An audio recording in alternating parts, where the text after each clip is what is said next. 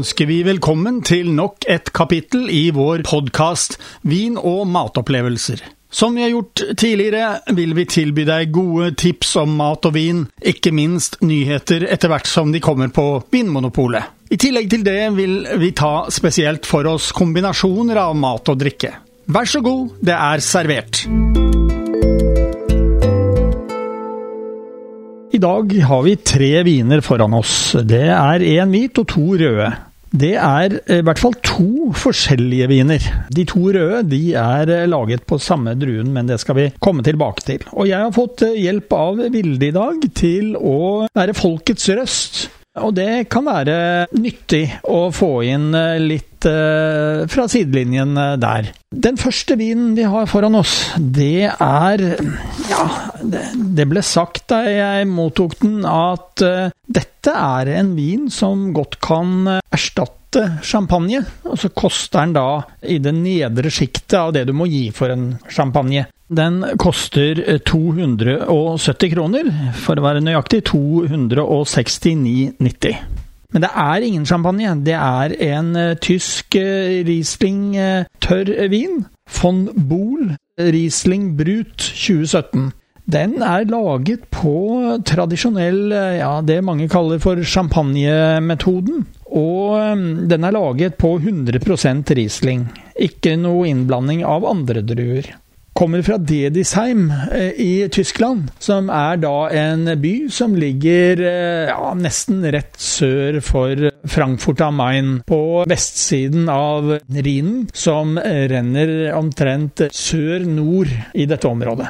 Så Vilde, hvordan opplevde du denne vinen? Det første som slo meg, det var eh, både duft og smak av gult eple. Og så fikk jeg nesten en litt sånn bitter bitter ettersmak, på en måte den man får eh, av eh, å smake sitronskall, f.eks. Mm, veldig godt. Ja, den er jo frisk, og vi har eh, gjort litt for å få den god og kald. Jeg er tilhenger av at den type viner som denne er, bør være kalde for å få fram friskheten.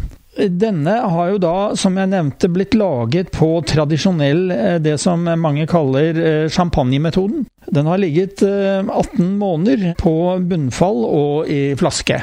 Den har et lagringspreg, og når du sier epler, så opplevde jeg både i duft og smak gule epler, godt modne. Og eh, selvfølgelig da i smaken eh, sitrus, som gjør at den blir god og frisk. Men eh, hva tror du vi kunne bruke denne her til, da, Vilde? Jeg tror den passer ypperlig til festlig lag. En god brunsj. Som aperitiff tror jeg også den passer godt.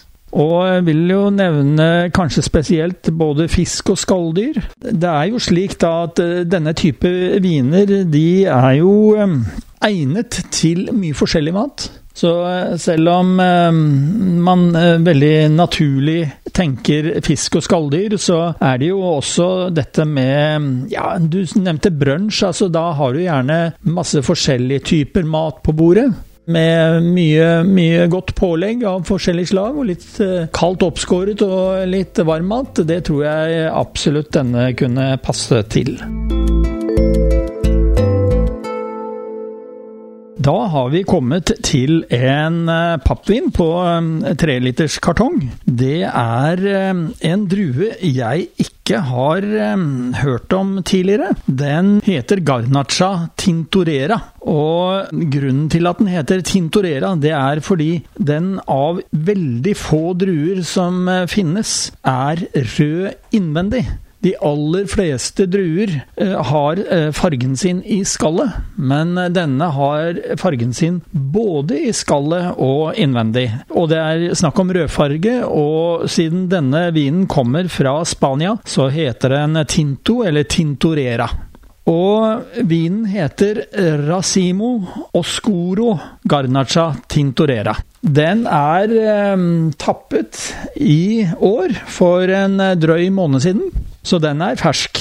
Koster da 410 kroner, 409,90, for tre liter. Dette er en vin som er tørr. Den har under tre gram sukker per liter. Det er akkurat eh, passe med syre, eh, slik at den balanserer godt, er min opplevelse. Hva tenker du, Vilde? Ja, jeg, jeg syns den var veldig god. Det første som slo meg, var at uh, det er en veldig, veldig mørk farge. Kommer ikke lys gjennom fargen omtrent. Og at den hadde en ganske sånn mild og rund både duft og smak. Ja, den er eh, saftig, vil jeg si. Nå er det jo slik da at disse druene kommer fra Castilla i Spania. Castilla er et område som ligger midt inne på den iberiske høysletta. Og eh, det er et eh, tørt og varmt område eh, om sommeren. Og disse garnacha-druene de liker seg spesielt godt der hvor det er tørt og varmt. Så eh, her har de nok hatt optimale vekstforhold. Og eh, det som da skjer eh, når det er så tørt og varmt, det er jo nettopp at de produserer masse sukker i vekstsesongen. Og da er det to muligheter.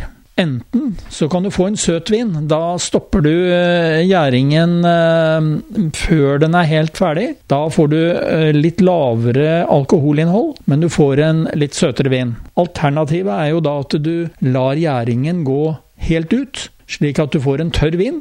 Og du får en høy alkoholprosent. Her er det 13,5% og det er, ikke, det er ikke så lite. Så her har de latt gjæringen gå helt ut. Ja, den var, eh, som du var inne på, så var denne vinen eh, litt eh, saftig. Og det var mye fruktpreg på den, og det var mye mørk frukt. Mørke bær, kanskje. Hva skal du si? Det er jo en dyp, mørk farge, som du nevnte. Ikke gjennomskinnelig. Hva tror du vi kan bruke denne her til, da? Jeg tror at den gjør seg godt med mm, diverse kjøttretter retter. Passer nok til eh, litt forskjellige typer kjøtt også. Kanskje storfe, kanskje til og med litt uh, lyst kjøtt. Uh, svin, kanskje. Det tror jeg også. Lyst kjøtt kan være en god grillvin, dette her. Så grille kylling, grille svinekoteletter og tilsvarende. På denne eh, boksen så er det jo forskjellige merker. Eh, det kan eh, Jeg mener jeg så et Debio-merke her, eh, f.eks. Men det er andre merker også. Ja, jeg syns det var interessant å se at uh, denne vinen er uh, sertifisert uh, vegansk. Og det er jo interessant for de av folket som er veganere. Og Vilde, er du glad i taco? Ja, jeg sier sjelden nei takk til eh, litt taco.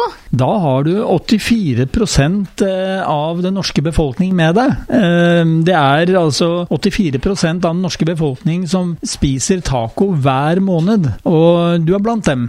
Jeg har i hvert fall vært det. Nå er det en liten stund siden jeg spiste taco sist, men det minner meg kanskje litt på at det er på tide snart. Men i hvert fall, her har vi fått inn på bordet en tacovin. Den heter tacovin. Det er en spansk vin, det også. Og eh, faktisk så er den laget på samme druen, altså eh, Garnacha tintorera, som vi hadde i eh, det forrige glasset. Den kommer fra det samme området av Spania, altså midt på den spanske høysletta. I Castilla, som vinområdet heter.